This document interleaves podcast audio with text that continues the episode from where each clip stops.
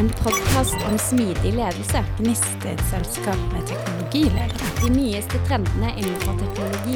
Mitt navn er Karoline. Og jeg er Silje. Dette er Kort og godt med Gnist. Hei og velkommen til Kort og godt med Gnist. I dag har jeg med meg Einar Høst, og vi skal snakke om domenedrevet design. Einar jobber i dag som spesialrådgiver i Nav. Han brukte et annet ord på, dette, på denne rollen i sted, så vi får høre fra han etterpå hva han egentlig er. Han liker alt som har med problemløsning, programmering og modellering å gjøre. Han er en eh, veldig dyktig foredragsholder, sist sett på scenen i Amsterdam på DDD Europe i forrige uke. For de mer lokale av oss så var Einar også å se på NDC i Oslo for et par uker siden. Einar er introvert og eh, sarkasmekonge, tør jeg å påstå. Han blogger på einar.wh.wordpress.com og er generelt aktiv på sosiale medier som Twitter og LinkedIn. Einar er ekspert innen mye, blant annet domain driven design, som vi skal dykke ned i i dag. Hallo, Einar. Velkommen. Hallo, hallo. Veldig hyggelig å være her. Du, Einar, hva er domain driven design? DDD. Du kan uh, bruke det ordet du, du, ønsker på det, men hva er det for noe? Hvorfor er du opptatt av det? Dette blir jo på en måte min forståelse av domain driven design. Da. Eh, for, sånn som jeg tenker på det, så er det en, en tilnærming til programvaredesign. Uh, og så kan man si er det en metodikk, er det en disiplin, hva er det for noe egentlig? Men det bygger på noen sånne prinsipper og grunntanker som jeg tenker er, er viktige, og som, som, jeg har tro på. Uh, det ene er at hvis du skal lage f.eks. et digitalt produkt da, for et eller annet eh, komplisert domene, så er det viktig at alle som jobber på det produktet, på en eller annen måte har en, både en dyp og en delt forståelse av problemet som vi prøver å løse. I domenedesign så prøver man å fange liksom den forståelsen i en modell og i et, et språk som er delt mellom alle som, som skal jobbe på det produktet. Og da tenker jeg, Det er ikke bare liksom, utvikler, det er liksom domeneeksperter. Alle, alle, som må være involvert i det, skal måte, snakke samme språk. da. Men hvordan finner man dette språket? Ja, Det er jo det som er vanskelig. Eh, fordi det er jo en sånn eh, det er en sånn iterativ prosess. ikke sant? Så må man være bevisst på hva slags, hva slags språkbruk har vi, hvorfor, hvorfor bruker vi disse ordene. Finnes det ord som betyr omtrent det samme? Er det ord som, som man tenker at er det samme, men som ikke er det i noen spesielle kontekster? Så det er på en måte å starte en slags sånn bevissthet rundt hvilke, hvilke, ord bruker vi, hvorfor bruker vi de ordene? Kunne vi brukt andre ord? Hva hadde vært konsekvensen hvis vi byttet ut dette ordet med et annet? Det er det det er å jobbe kontinuerlig med modellen og språket. Um, og da er det viktig på en måte å prøve, når man gjør det, å være så så eksplisitt og konkret som man får til. ikke sant? Eh, språk også er jo bare et verktøy som vi bruker for å, for å prøve å uttrykke noe. Det er viktig å ikke prøve å glatte over ting eller dumme dem ned. eller noe sånt. Eh, det er, fristende, fordi man vil gjerne at ting skal være enkelt. Eh, men hvis, ting, hvis, man gjør ting enkelt som, som, ikke er enkelt, så har den kompleksiteten med liksom å, å, å, boble til overflaten og komme tilbake etterpå i en eller annen fasong. Så er det vanskeligere fordi man ikke har noe ordentlig språk til å snakke om det engang. Så DDD, eller Domain Driven Design, det starter med å finne et felles språk? Ja, det er vel i hvert fall eh, altså, sånn, hvor, hvor, begynner du? Uh, men, men, ja, jeg tenker vel kanskje det. da, Det starter kanskje med en språkbevissthet. Det er i hvert fall sånn det begynner for min del. Og så er det sikkert ulike innfallsvinkler man kan, man kan bruke. Hvor lenge har du uh, vært i gamet? Du nevnte en bok fra 2003 innledningsvis her, før vi trykket play. Ja, ikke sant. Jeg sånn jeg har jobbet med programvareutvikling i, i 20 år. og så når jeg egentlig først begynte å interessere meg for domaindrevet design, jeg er litt usikker på. Jeg vet at jeg så han som skrev den boka, da, Eric Evans, jeg vet at jeg så han på en konferanse i 2003, og, og jeg syntes det var bra og sånn, men jeg, jeg, tror ikke jeg var så veldig opptatt av det før det kanskje hadde gått ti år til, eller noe sånt. da. Jeg husker at jeg, Eh, helt konkret så altså Jeg hadde jo liksom jobbet på en del utviklingsprosjekter og sånn, og så hadde jeg liksom observert det som ofte skjer, da, at, at, ting blir vanskeligere over tid, og kompleksitet hoper seg opp, og farten går ned, og folk blir mer frustrert og lurer på hvorfor vi ikke er ferdig snart og sånn. Eh, og da begynte jeg å lete mer sånn aktivt etter hva kan, hva kan hjelpe oss, da. Og da, da, da er på en måte domendrevet design det beste verktøyet jeg har funnet til nå for det, og det jeg tror mest på. Og da var du litt innom hvorfor du er opptatt av det òg. Uh, ja, det, er på en måte derfor, da. Jeg er ute etter liksom uh, Hvordan kan vi unngå at vi, at det liksom går langsommere over tid, og at, at ting blir dårligere over tid. For det virker å være et slags sånn mønster. At, vi, at, at det stopper opp på en eller annen måte. Og det, det må ha måte, noe med at ting endrer seg over tid. Og, og, verden endrer seg jo, så det er helt naturlig. Vi, kan, vi kommer ikke bort fra det. Uh, men det med å håndtere den endringen på en bedre måte enn det vi ofte gjør, det tror jeg er viktig. Da. Og det er derfor jeg på en måte har uh, Derfor jeg fant fram til det, det, det, og derfor jeg fremdeles tenker at det er en nyttig tilnærming. Mm. I teorien da, så skal domendrevet design hjelpe oss med å håndtere kompleksitet og endring, og kanskje også kompleksiteten som følger av av at vi, er, at vi, har noe som er eksisterende, og så skal vi endre det på en måte for at det skal støtte noe, noe annet eller noe mer. ikke sant?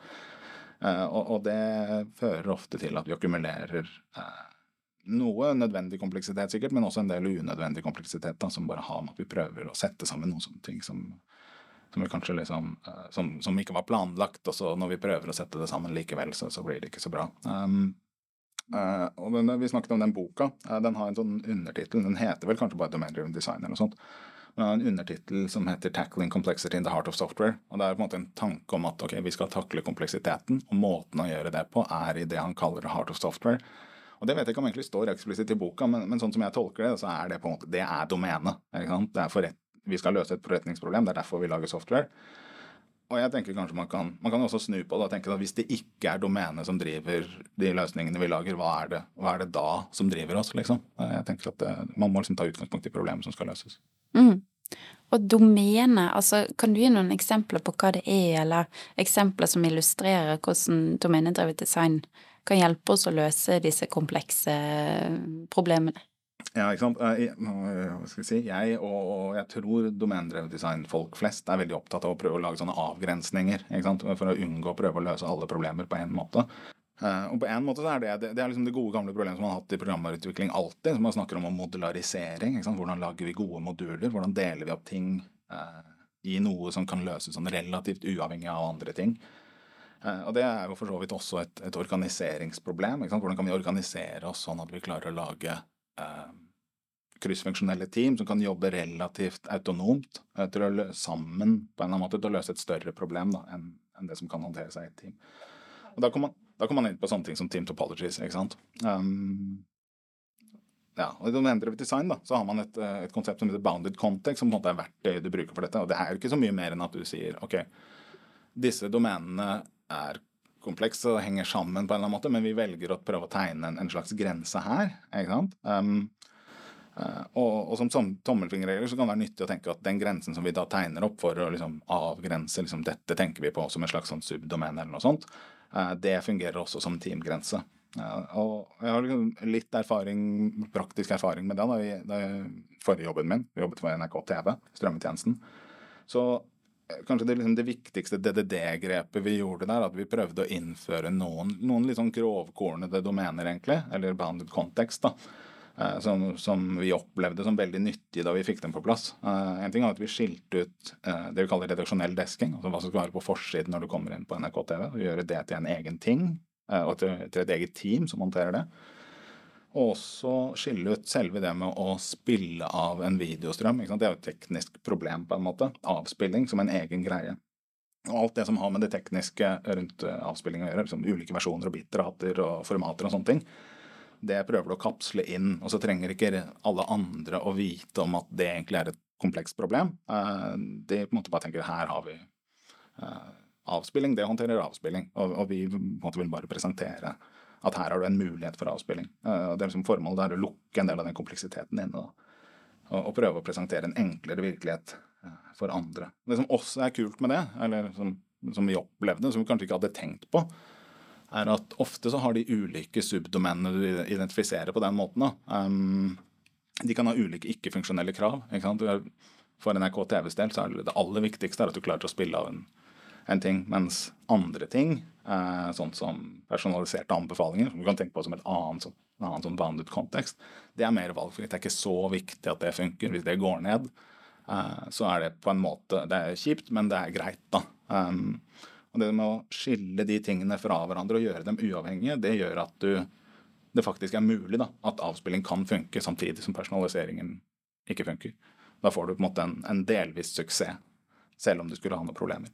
Hva var det som var grunnen til at dere begynte å, å se på det på den måten i det hele tatt? Ja, det, det kommer egentlig litt tilbake til det problemet med akkumulert kompleksitet. Ikke sant? Du merker at uh, du skal prøve å implementere noe nytt eller uh, gjøre, lage en eller annen ny løsning, og så, og så virker det liksom helt urimelig komplisert å få til. Kjempevanskelig. Du kan ikke sette ett menneske til å gjøre det. Det er, det er, bare, det er for mange ting du er nødt til å tenke på, og det affekterer for mange liksom det, det, har impact for mange steder i løsningen. da. Og da tenker du at ok, Men sånn kan vi ikke ha det. Vi må, vi, må, prøve å få ryddet opp. Uh, og en måte å rydde opp på er jo på en måte å si ok, men dette kan vi i hvert fall isolere. da. Og så trenger, ikke, trenger man ikke å tenke på alt det på en gang. Altså, det var på en måte det som var inspirasjonen. at Det er for vanskelig nå. Uh, vi må skille ut noe. Og når du på en måte har gjort det, så, så, så, ser du nye muligheter for andre ting som kanskje kan skilles ut. Så kan du på en måte jobbe iterativt på den måten. da. Mm. Så det handler om å strukturere egentlig forretningsproblemer eller kompleksitet? Ja, det, det gjør det. Og så gjelder det på en måte også å være si, litt sånn Se muligheter, da, være litt sånn opportunistisk. Så se liksom ok, dette kan vi i hvert fall få til. Eh, vi har ikke nødvendigvis en, en fullgod løsning på hvordan skal vi være liksom perfekt i inndelingen, eller hvordan kan, hvordan kan alt henge sammen. Men med å si ok, dette kan vi skille ut. Og hvordan ser verden ut da? Og noen ganger så treffer man på de grensene. Jeg tror vi traff sånn brukbart. Eh, og noen ganger så treffer du dårligere, men da må du prøve noe nytt. da. Ikke bli for, liksom, for skuffa hvis det viser at det første forsøket på å avgrense nå ikke var ikke traff helt. Mm. Men hvor mange folk er involvert her i, i starten da for å, å, komme til disse grensene? Ja, ikke sant. Det, det er jo uh, litt sånn holdt på å si litt dirty trick, er at det er, det er viktig å ikke tenke at alle må være om bord på det, men du trenger kanskje en kritisk masse av noen som tror på den tilnærmingen. da. I, i tilfelle NRK TV så hadde vi også en eh, den tekniske arkitekten vår, Bjørn Einar Bjørtnes, var liksom pådriver for den prosessen. Det tror jeg kanskje kan være nyttig. da. Noen som er villig til å ta en liten sånn kjempe for at jo, det skal vi faktisk gjøre. Eh, men kanskje ikke tenke igjen at, at alle må alle må på en måte være overbevist om at dette er den riktige måten å gjøre ting på, men, men ha en kritisk masse av folk som tror på det og skjønner måte, det man prøver å oppnå, hvorfor man gjør det. eh, og, og, som er i stand til på en måte å, å, dytte lenge nok i samme retning til at du får en effekt av det. Men, uh, men hvis, du har, hvis, du har, en stor organisasjon, kanskje liksom 30-40 mennesker, så er det ikke nødvendigvis at alle ser, ser virkeligheten på samme måte samtidig, i hvert fall. Eh, men kanskje du har en, en liten gruppe folk. Eh, hvis de, å, hvis de kan få et avgrenset problem som de kan løse med en gitt metodikk, f.eks. domendrevet design, eh, så er det mer å la dem gjøre det. Og så kan andre bli, hvis det fungerer bra, så kan andre heller bli nysgjerrige på liksom, er det noe her vi kan lære av til hvordan vi løser våre problemer. Jeg tror mer på den organiske måten å gjøre det på en måte litt Kall det bottom up, da, selv om det var viktig å ha den ha den, den ryggdekningen fra teknisk arkitekt også, eh, så, så, er det fint om man kan gjøre det litt sånn organisk over tid, og ikke tenke liksom nå skal big bang alt, eh, alt løses på en gang. Ja, for nå, hvilke eh, roller er typisk med inn i et sånt uh, forum der man begynner på den initielle praten om dette her? Ja, Det er egentlig et interessant spørsmål, da i tilfelle NRK TV, så var egentlig det, det å få på plass en teknisk arkitekt var egentlig også en sånn bottom up-ting. Det var noe vi kranglet oss til. Eh, fordi vi trodde at vi trengte det for å gjøre en litt sånn større grep. Eh, vi var organisert veldig flatt, på en måte. Alt var bare utviklingsteam med utviklere. Hadde ikke noe tech-leads eller noen ting. Og så ble det vel egentlig en slags følge av det at vi hadde fått på plass en teknisk arkitekt, at vi også jobbet for å få på plass tech, en tech-lead-ordning som på en måte kunne hjelpe til med å operasjonalisere teknisk ledelse. Da. Nettopp for å kunne dytte i noen sånne overordnede retninger, kanskje.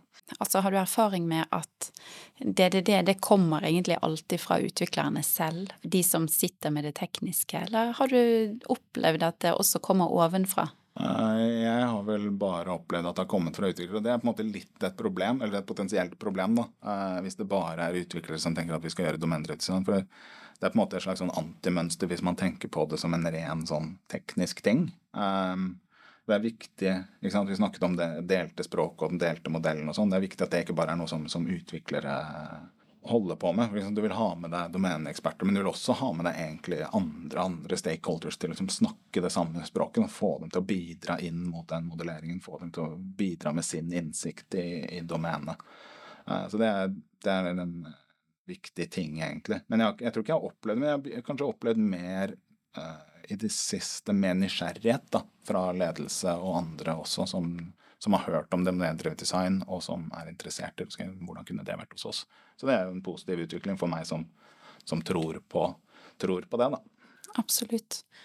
Og så er det noe med Det er jo en kjensgjerning at eh, utviklere alltid er overarbeidet og har for mye å gjøre, og ting skal prioriteres. Så det å da i tillegg gå i gang med en eh, DDD-prosess for å, å jobbe bedre og mer effektivt, det sitter kanskje litt langt inne hos, eh, hos utvikleren å ta tak i det. eh, Ref den tekniske arkitekten som dere så behov for, da. Mm. Jeg skjønner godt at folk ikke har på en måte overskudd til å reflektere så mye over det, eller energi til å ta kamper, eller hva det måtte være, da. Eh, Eller måtte prøve å liksom, samle støtte til en annen måte å gjøre ting på. Sånn. For som du sier, eh, folk har masse å gjøre.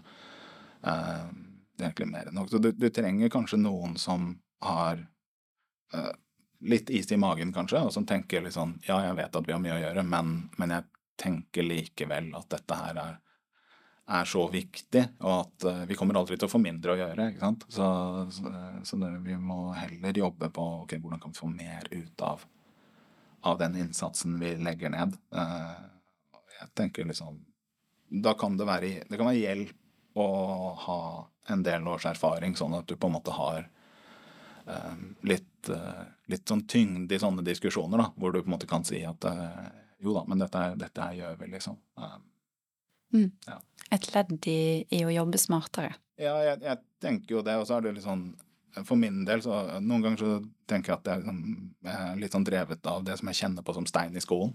Altså hvis det er noe som frustrerer meg, eller jeg tenker liksom at dette her dette funker ikke, så blir jeg opptatt av det. da, så blir jeg opptatt av å lete etter hva, men hva kan vi gjøre. Vi kan ikke ha det sånn at vi går rundt med disse steinene i skoen hele tiden. Og så er det en sånn tendens til å liksom, bli kvitt én stein, og så finne en annen. Uh, men det, det, den positive vinklingen på det er å prøve å tenke på det som en slags sånn kontinuerlig forbedringsprosess. Da. Det er et element av det, forhåpentligvis. At det ikke bare er eh, en, en rekke med klaging. Det ville jo vært synd hvis det var.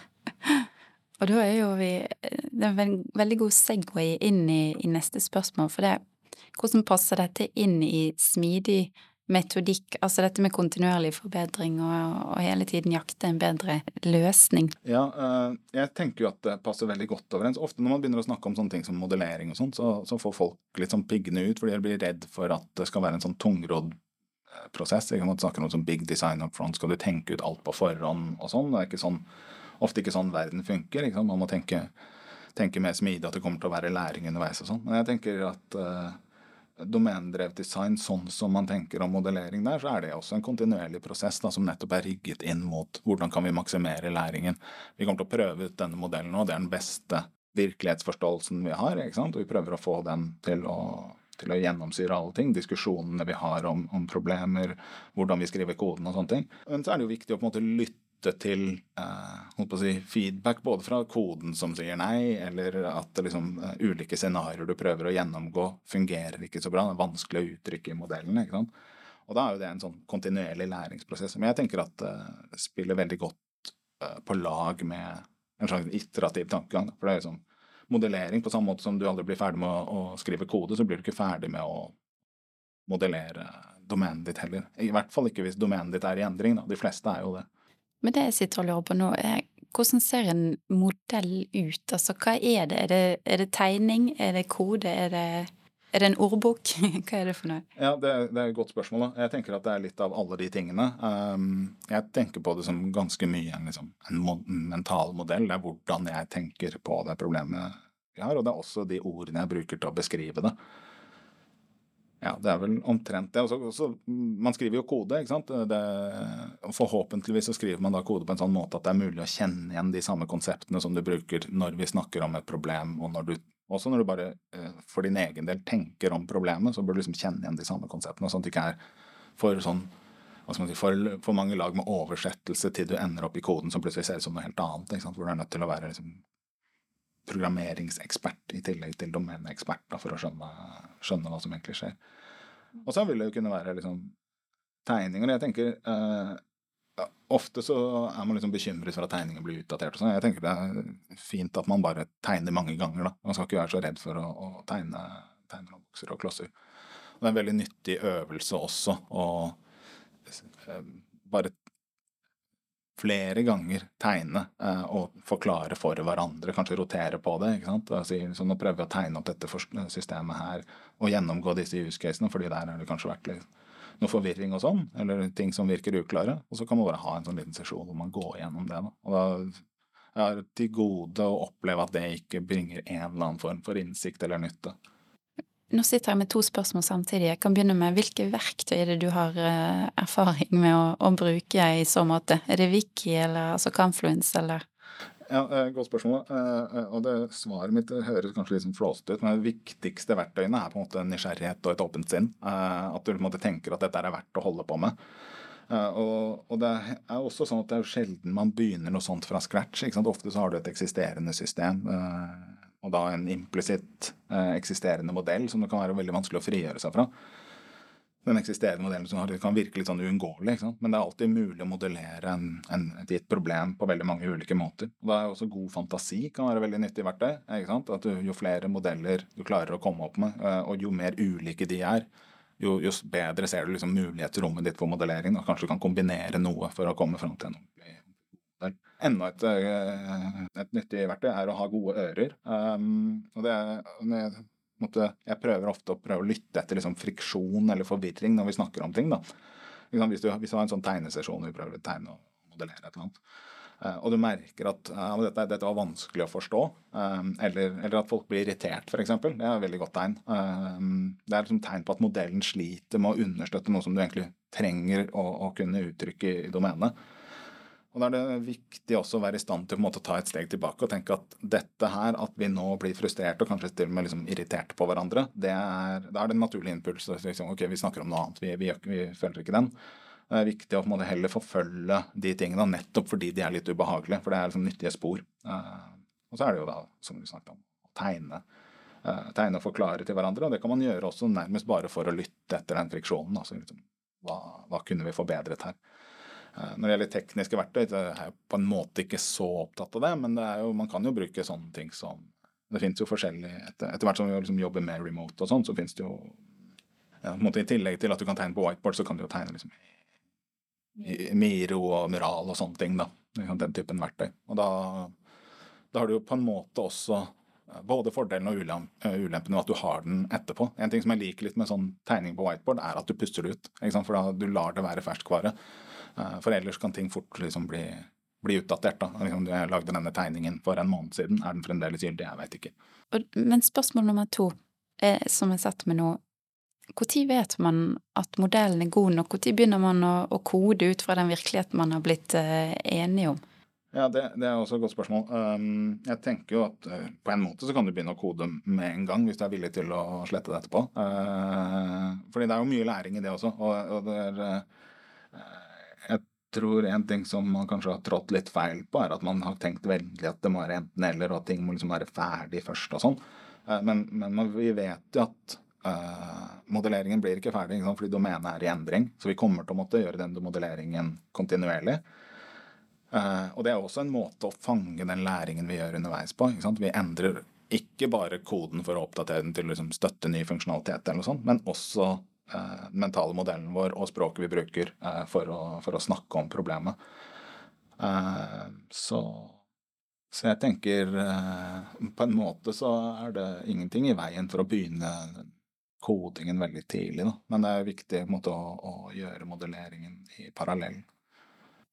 Når egner kaller det DDD seg? Er det for store for store organisasjoner og veldig mange team, eller små team, eller alt? Ja takk, all of the above. Ja, ja um, jeg tenker jo at uh, altså det, også er jo Kommer med en viss sånn investeringskostnad. Både i Det kan være noe kompleksitet i koden. Hvis du vil bruke det du kaller liksom, taktiske patterns for å liksom, realisere modellen din i koden, så kan det Eh, innføre en, en, viss grad av kompleksitet, og den må jo på en måte betale seg på et vis. da. Uh, så jeg tenker det er nyttigst hvis du har et, uh, et litt komplisert domene. Et domene som endrer seg en del, sånn at det er viktig å kunne beskrive nøyaktig hva eh, hva vi mener, ikke sant. Eh, og for å kunne håndtere det på en god måte, så er det viktig å ha en, en realisering av den modellen i koden også, sånn at du på en måte kan, kan følge opp de endringene som skjer, på en god måte. Eh, omvendt så er det jo sånn at hvis du har et forholdsvis eh, statisk domene, du forventer lite læring, lite endring, så kanskje det ikke er, er verdt investeringen. Eller, eller, du bare er interessert i at dette her er faktisk bare en, en helt enkel sånn CRUD-applikasjon, du skal bare lese noe data og lagre noe data. Sånt. Og det ikke er noe særlig forretningslogikk rundt det, så kanskje det ikke er verdt det. da. Og, og, men, men, igjen, det kommer an på det. Ofte så tenker jeg at det er litt mer forretningslogikk i en del applikasjoner enn vi ofte tror. Eh, og da, da, bikker på en måte regnestykket i retning av at det kanskje kan være verdt å investere i sånne ting som domendrevet design. Mm. Men eh, altså, nå går jo verden veldig fort fremover, føles det ut som. Eh, hvordan opprettholder man en, en, modell over tid? Eh, ja, Det er jo på en måte det store spørsmålet. for Hvis man ikke klarer det, så har jo på en måte premisset til domendrevet design feilt litt. Tanken var jo at vi gjør det fordi verden er i endring.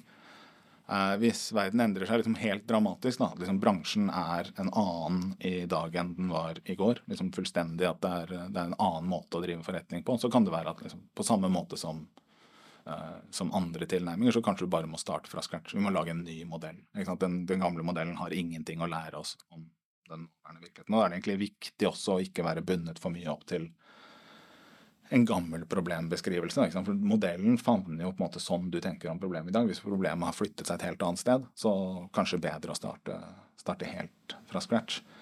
Men så er det jo spørsmålet om ok, er det, er det mange domener som blir så radikalt endret? Det har jo skjedd en del ting på, altså på generativ uh, kunstig intelligens og sånne ting som, som også kan brukes til f.eks. å gjøre produksjonen av kode raskere. Du kan skrive deler av løsningen for, deg og sånn.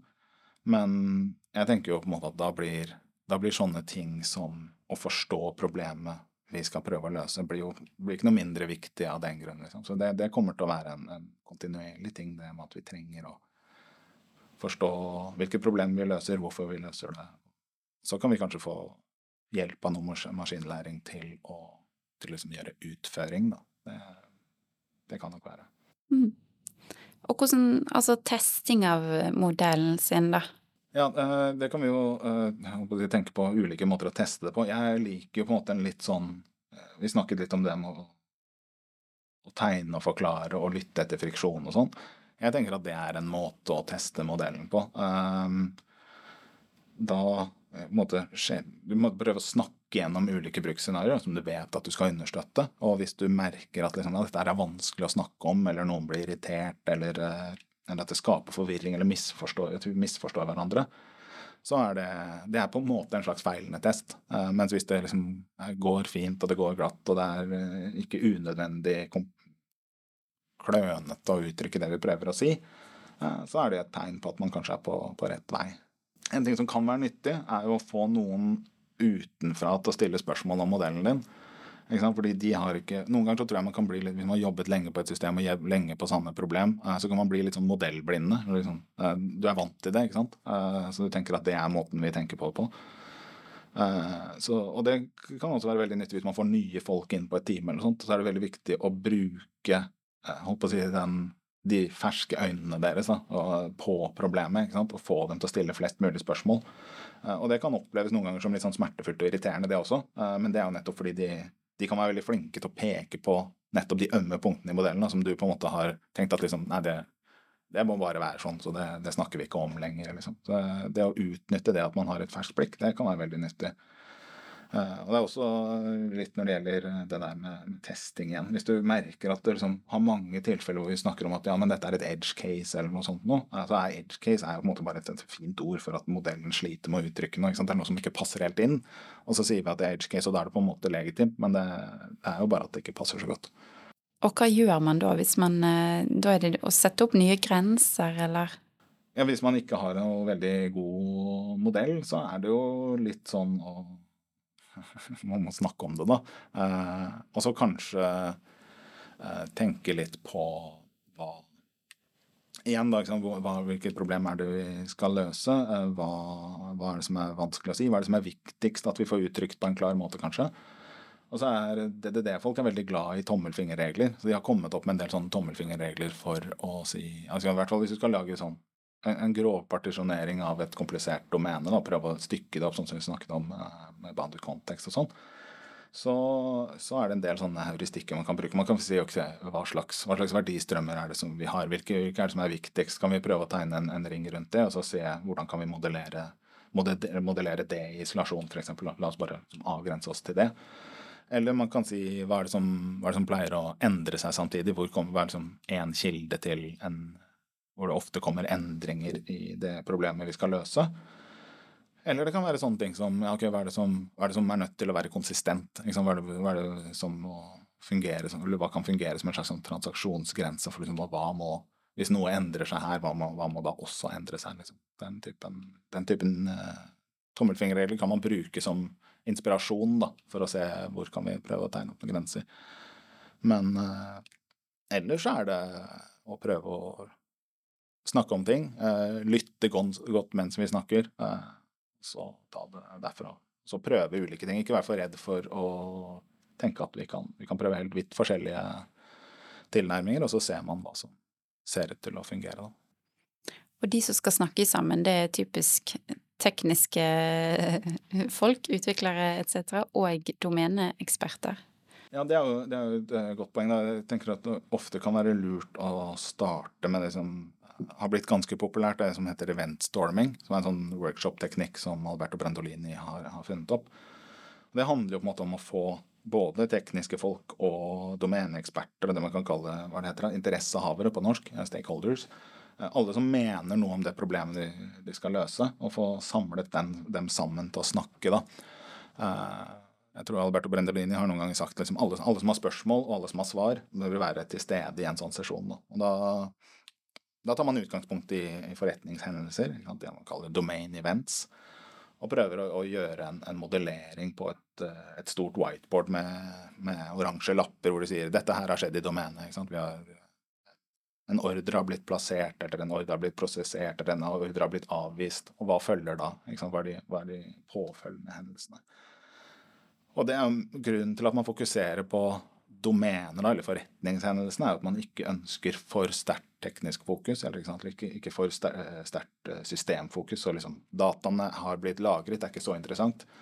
Og det er også vanskeligere for domeneeksperter og interessehavere å mene noe om, mens formodentlig så har de en formening om, om domener og forretningshendelsene bryr de seg jo ofte om, og, og, vet veldig godt hvordan det fungerer. Så det er på en måte en måte å kickstarte en sånn Eh, en sånn prosess på. Eh, og så tenker jeg at man eh, igjen da ikke må være redd for å gjenta den øvelsen jevnlig. Eventstorming er noe man kan, kan, gjøre relativt ofte, egentlig. Og stort sett så bringer det alltid, alltid god innsikt. Det kan være en super måte å omborde nye folk på, f.eks. Man gjør en ny sånn sesjon. da. Domeneekspert, er det typisk en produkteier, eller hvem er det? Ja, Det er et sånt begrep som vi liksom slenger rundt oss, og så sier vi ikke så veldig spesifikt hvem det er. Og så tror jeg det kan variere litt hvem som er domeneekspert, avhengig av hva slags domene det er snakk om. ikke sant? Men uh, ofte så er det i praksis sånn at en domeneekspert er en som vet noe om det problemet du skal løse, om som kanskje har en annen jobb i tillegg. Det kan være f.eks. Uh, eh, I Nav-sammenheng så jo, fungerer jo ofte jurister som domeneeksperter. Og de, det er ikke nødvendigvis dessverre sånn at du har uh, mulighet til å ha dem fulltid fulltid på time, selv om det er noe du kanskje egentlig ønsker deg. Fordi eh, det kan komme opp ulike typer avklaringer som du trenger underveis. Eh, og, og, hver gang du er nødt til å vente, så blir jo liksom feedback-sløyfen lenger. Det er fortere at man griper til noen antakelser. Jeg tror kanskje det er sånn.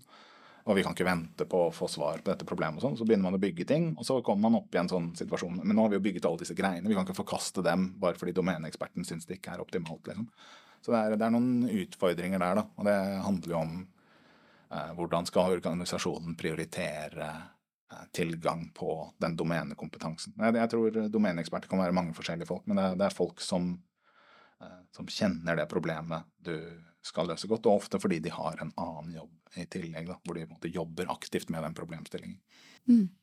Nå er vi litt inne på tilgang på ressurser og, og, den type ting, og hvordan er det med Kan DDD på noen måte hjelpe oss eh, med å bryte ned siloer eller forbedre samarbeidet på tvers av kryssfunksjonelle team, eller Ja, eh, jeg tenker igjen så Jeg har jo snakket mye om disse avgrensningene mine, ikke sant. Eh, og jeg tenker at en ting som domendrevet design prøver å gjøre, tror jeg, er å gjøre avhengigheter ikke, ikke få dem til å gå bort, men å gjøre dem veldig synlige og eksplisitte. Så vi igjen snakker om å tegne opp noen, noen avgrensninger som sier ok, her er kanskje liksom eh, vår bounded context som avgrenser dette subdomenet, eh, og for så vidt også avgrenser ansvarsområdet til et gitt team. Så kan man jo gjøre det for, for hvert team og de systemene man har og sånn. Så kan man sette sammen det i det som heter en context map. En context map, eller sånt kart over disse ulike kontekstene, da, som viser dem. Og som også viser okay, hva slags, hva slags grenseoppganger har vi mellom ulike team, f.eks. Um, og da kan man jo se på ja, hva slags relasjon skal disse teamene ha, da. Eh, Hva slags, eh, hvor mye er de nødt til å samarbeide? Eh, Er det ting hvor de er nødt til å jobbe på ting sammen? Hvordan å jobbe asynkront? Hvordan fungerer det egentlig? Og det, Der har domendrevet design noen sånne ulike strategier da, som er avhengig av egentlig sånn sosiotekniske faktorer. Hva slags relasjon har vi? Hva slags tillitsforhold er det med de ulike teamene? Eh, hvor stor påvirkningsgrad har vi og sånne ting. Eh, det er også sånn problemstilling som dukker opp i den Team Topologies-boka, som har eh, skapt mye oppmerksomhet rundt hvordan vi organiserer oss. da. Eh, Men som også snakker mye om liksom, hva slags interaksjonsmønstre er det vi har. Det prøver egentlig å adressere noe av det samme problemet. Da. Eh, Hva slags, eh, hvordan kan, kan vi karakterisere forholdet mellom de, de teamene som vi vil at skal jobbe autonomt, men ikke når de løser problemer som noen andre burde visst om. Så det er på en måte å, å få kontroll på eh, på ting sånn at du har på en måte en nyttig grad av autonomi, samtidig som du er klar over hva slags avhengigheter du har da, og ikke prøver å liksom ignorere dem, for det, det skaper jo på en måte bare støy. Det høres jo veldig kompatibelt ut med smidig tankegang, altså at man skal få på plass den, den gode kommunikasjonen mellom team, men ikke mer enn nødvendig, og at man skal ha fornuftige avgrensninger, eh, men samtidig få ting til å flyte og løse problemet som man faktisk skal løse. Ja, jeg tenker at det, det, det er superkompatibelt, og det er veldig kompatibelt også med en sånn tanke om kryssfunksjonelle team. ikke sant? At du trenger Du trenger på en måte å ha all den kompetansen du trenger for å løse et eller annet delproblem, som har sagt at den grupperingen av mennesker skal håndtere. Den kompetansen er du nødt til å ha inne i teamet, på en måte. Og det, det gjelder jo da tilgang på domenekompetanse, f.eks. Men hvordan passer dette sammen med andre tilnærminger eh, til, eh, skal vi si, bruke det fancy ordet programvareutvikling, altså IT-utvikling, microservices, event-driven arkitektur? Kan du si noe om det? Ja? Det er jo på en måte litt sånn tekniske tilnærminger, på en måte, men det, jeg tenker at de passer veldig godt overens. Eh, jeg har snakket igjen om disse avgrensningene. Um, jeg, hvis du skal lage en mikrotjenestearkitektur, så må du jo tenke ok, hva er det, hva er det som skal utgjøre én mikrotjeneste? da? Liksom, Og kanskje hvor mange skal vi ha? Hva slags grense, hvordan, eh, hvordan relaterer de til hverandre? Og da tenker jeg at uh, i hvert fall én tilnærming til sånn tjenesteinndeling er jo i brukerbounded kontekst til det. Da. Så kan man gjerne diskutere hvor stor er en microservice. Uh, det har ikke jeg noe sånn fast svar på. Men sånn for min del så tror jeg ikke at jeg ville, jeg ville vært bekymret for å begynne å dele opp ting i veldig små tjenester uten at jeg hadde et veldig bevisst forhold til hva slags avgrensninger og hvorfor jeg sier at dette skal være en isolert tjeneste. da. Altså jeg, jeg ville kanskje tatt med meg liksom domendrevet design verktøykassa for å eh, hjelpe meg med å gjøre en god inndeling i mikrotjenester, f.eks. Når det gjelder event-driven architecture eller liksom event sourcing og den typen problem, liksom, tilnærminger, så er det mange i DDD-miljøet som er veldig fan av det. Uh, og det er det henger litt sammen, Vi snakket så vidt om det med event storming, ikke sant? Det som handler om å identifisere forretningshendelser eller domenehendelser.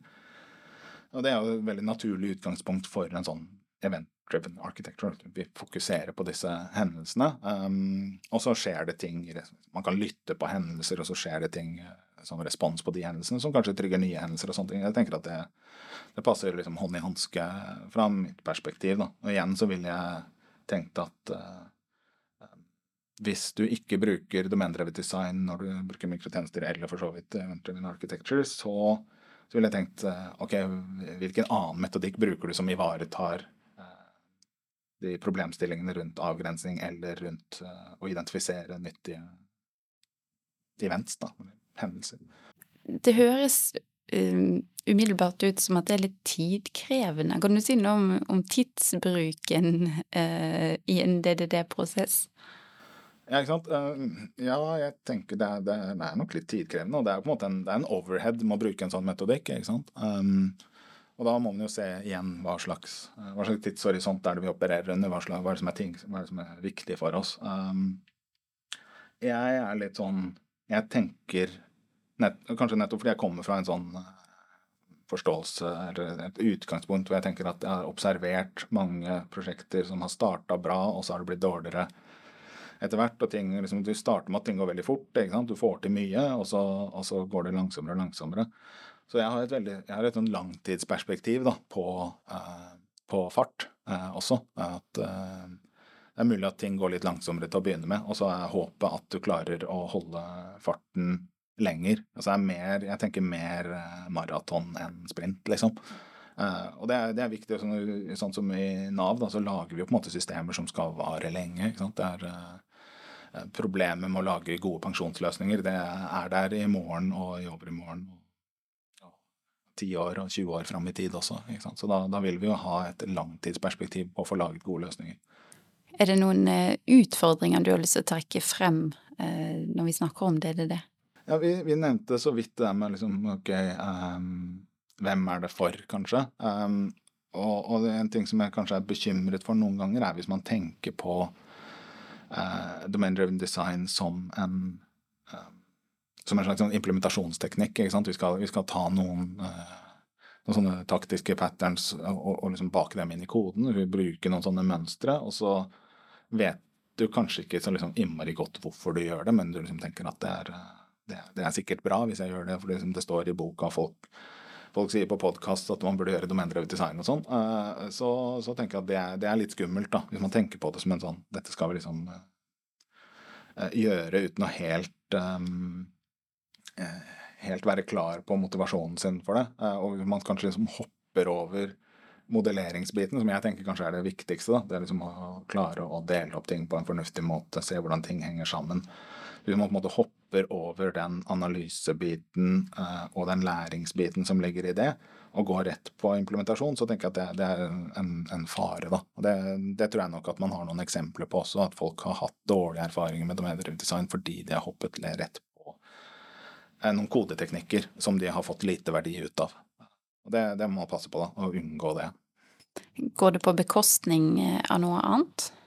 Uh, om du mener at design går på bekostning av noe annet? Uh, ja, det, altså, det kan gå i, igjen, da, siden det er en viss sånn overhead på det, så er det, det Jeg ser for meg at det, det, er nok noen kontekster hvor det ikke er, er verdt investeringen. ikke sant? Det er, uh, hvis du har noe, noe, veldig enkelt du skal lage, eller et veldig statisk domene som ikke endrer seg noe særlig, og som ikke har noe særlig kompleksitet, så er nok det liksom Det er antakelig unødvendig. Da. Samtidig så altså, igjen så at det i domain design så noen ganger så skiller man mellom liksom, kjernedomenet, det, det, som er grunnen til at du lager et, et system, og mer sånne generiske subdomener som, hvor du egentlig ikke er ute etter å differensiere deg noe særlig.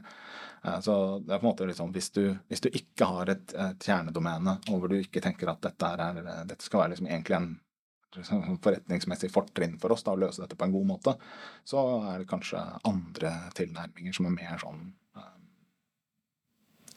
Eh, hva heter det, Rapid Application Development. Altså hiv sammen noe som løser et problem der og da. Og så, hvis, du, hvis noe viser seg å endre seg, så er du villig til å, å gjøre ting på nytt. da. Og hva tror du, Einar, hvor eh, passer DDD inn i fremtiden? Har det livets rett? Ja, eh, jeg, jeg tror jo det. Og, og som vi kanskje har snakket litt om, så er det igjen, da, det er jo veldig vanskelig å spå om, å spå om fremtiden. Men jeg tror jo på en måte at vi kommer til å forholde oss til eh, komplekse forretningsdrivende domener eh, fremover også. Og at det er um, Sånn som nå for tiden så er det mye snakk om maskinlæring, automatisering av ting og sånt. Eh, og, og, det er superbra. Det skal vi bruke for, for alt det er verdt eh, til, til, de tingene det er egnet for. Men det er jo mest egnet til å um, bruke eksisterende ting til å lage eh, løsninger som, som minner, om, eh, minner, om, ting man har sett før.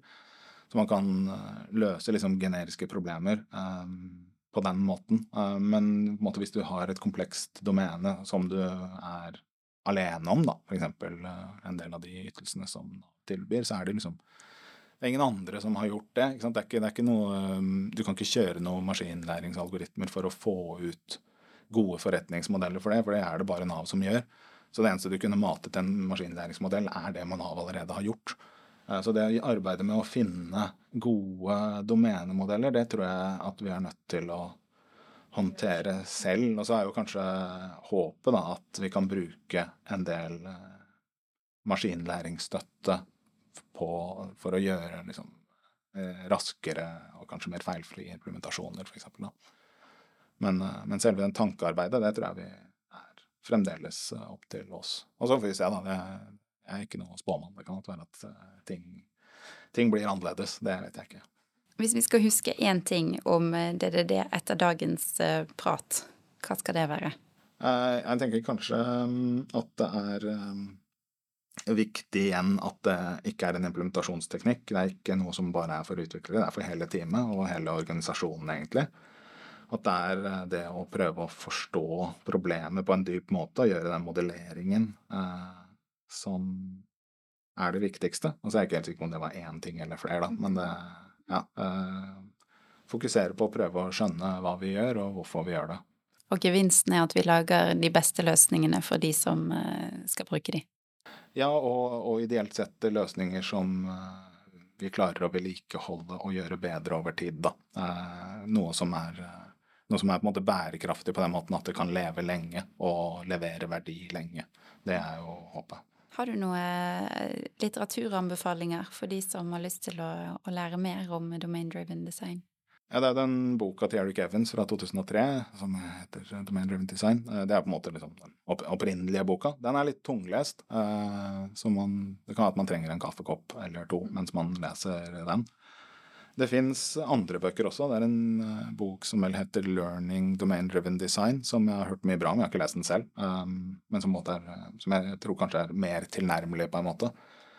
Ellers er det masse ressurser på nett sånn som ikke er bøker nødvendigvis. Det er noe som heter DDD Crew, som har et github-repo, hvor man kan få en del sånne Ja, masse nyttige ressurser, egentlig. Det er, det er noe de heter DDD Starter Process, som de har dokumentert. Og så har du masse av de ulike heuristikkene som vi snakket om. Det er noe som heter Bounded uh, Context Canvas, vel. Hvor du kan liksom dokumentere en sånn bounded context som du har identifisert. Og det er masse sånne ting du eh, kan, kan ta utgangspunkt i. Og så er det masse foredrag eh, på nett, da, på YouTube, som du kan se liksom, eh, foredrag fra DDD Europe og andre konferanser som, som handler om domenetrent design. Men det kan være litt sånn overveldende, kanskje. I tilfelle så vil jeg kanskje anbefale å starte helt konkret med et foredrag av, av Eric Evans, altså DDD-mannen selv. Han har et foredrag som handler om DDD og mikrotjenester. Jeg tror det heter DDD and Microservices Finally Some Boundaries eller noe sånt. Det er superbra. Det er alltid bra å høre på Eric Evans. Så generelt, hvis du finner et foredrag av Eric Evans, jeg tror ikke det er bortkasta tid å høre på det, da. Supert. Tusen takk for at du kunne komme, Einar. Dette var kort og godt med Gnist. Usikker på hvor kort det ble, men vi håper det blir godt. Vi blir veldig glad for spørsmål og tilbakemeldinger. Disse kan sendes til podkast.gnist.as. Mitt navn er Silje, og vi høres. En podkast om smidig ledelse. Gnist et selskap med teknologiledere. De nyeste trendene innenfor teknologi. Mitt navn er Karoline. Og jeg er Silje. Dette er Kort og godt med Gnist.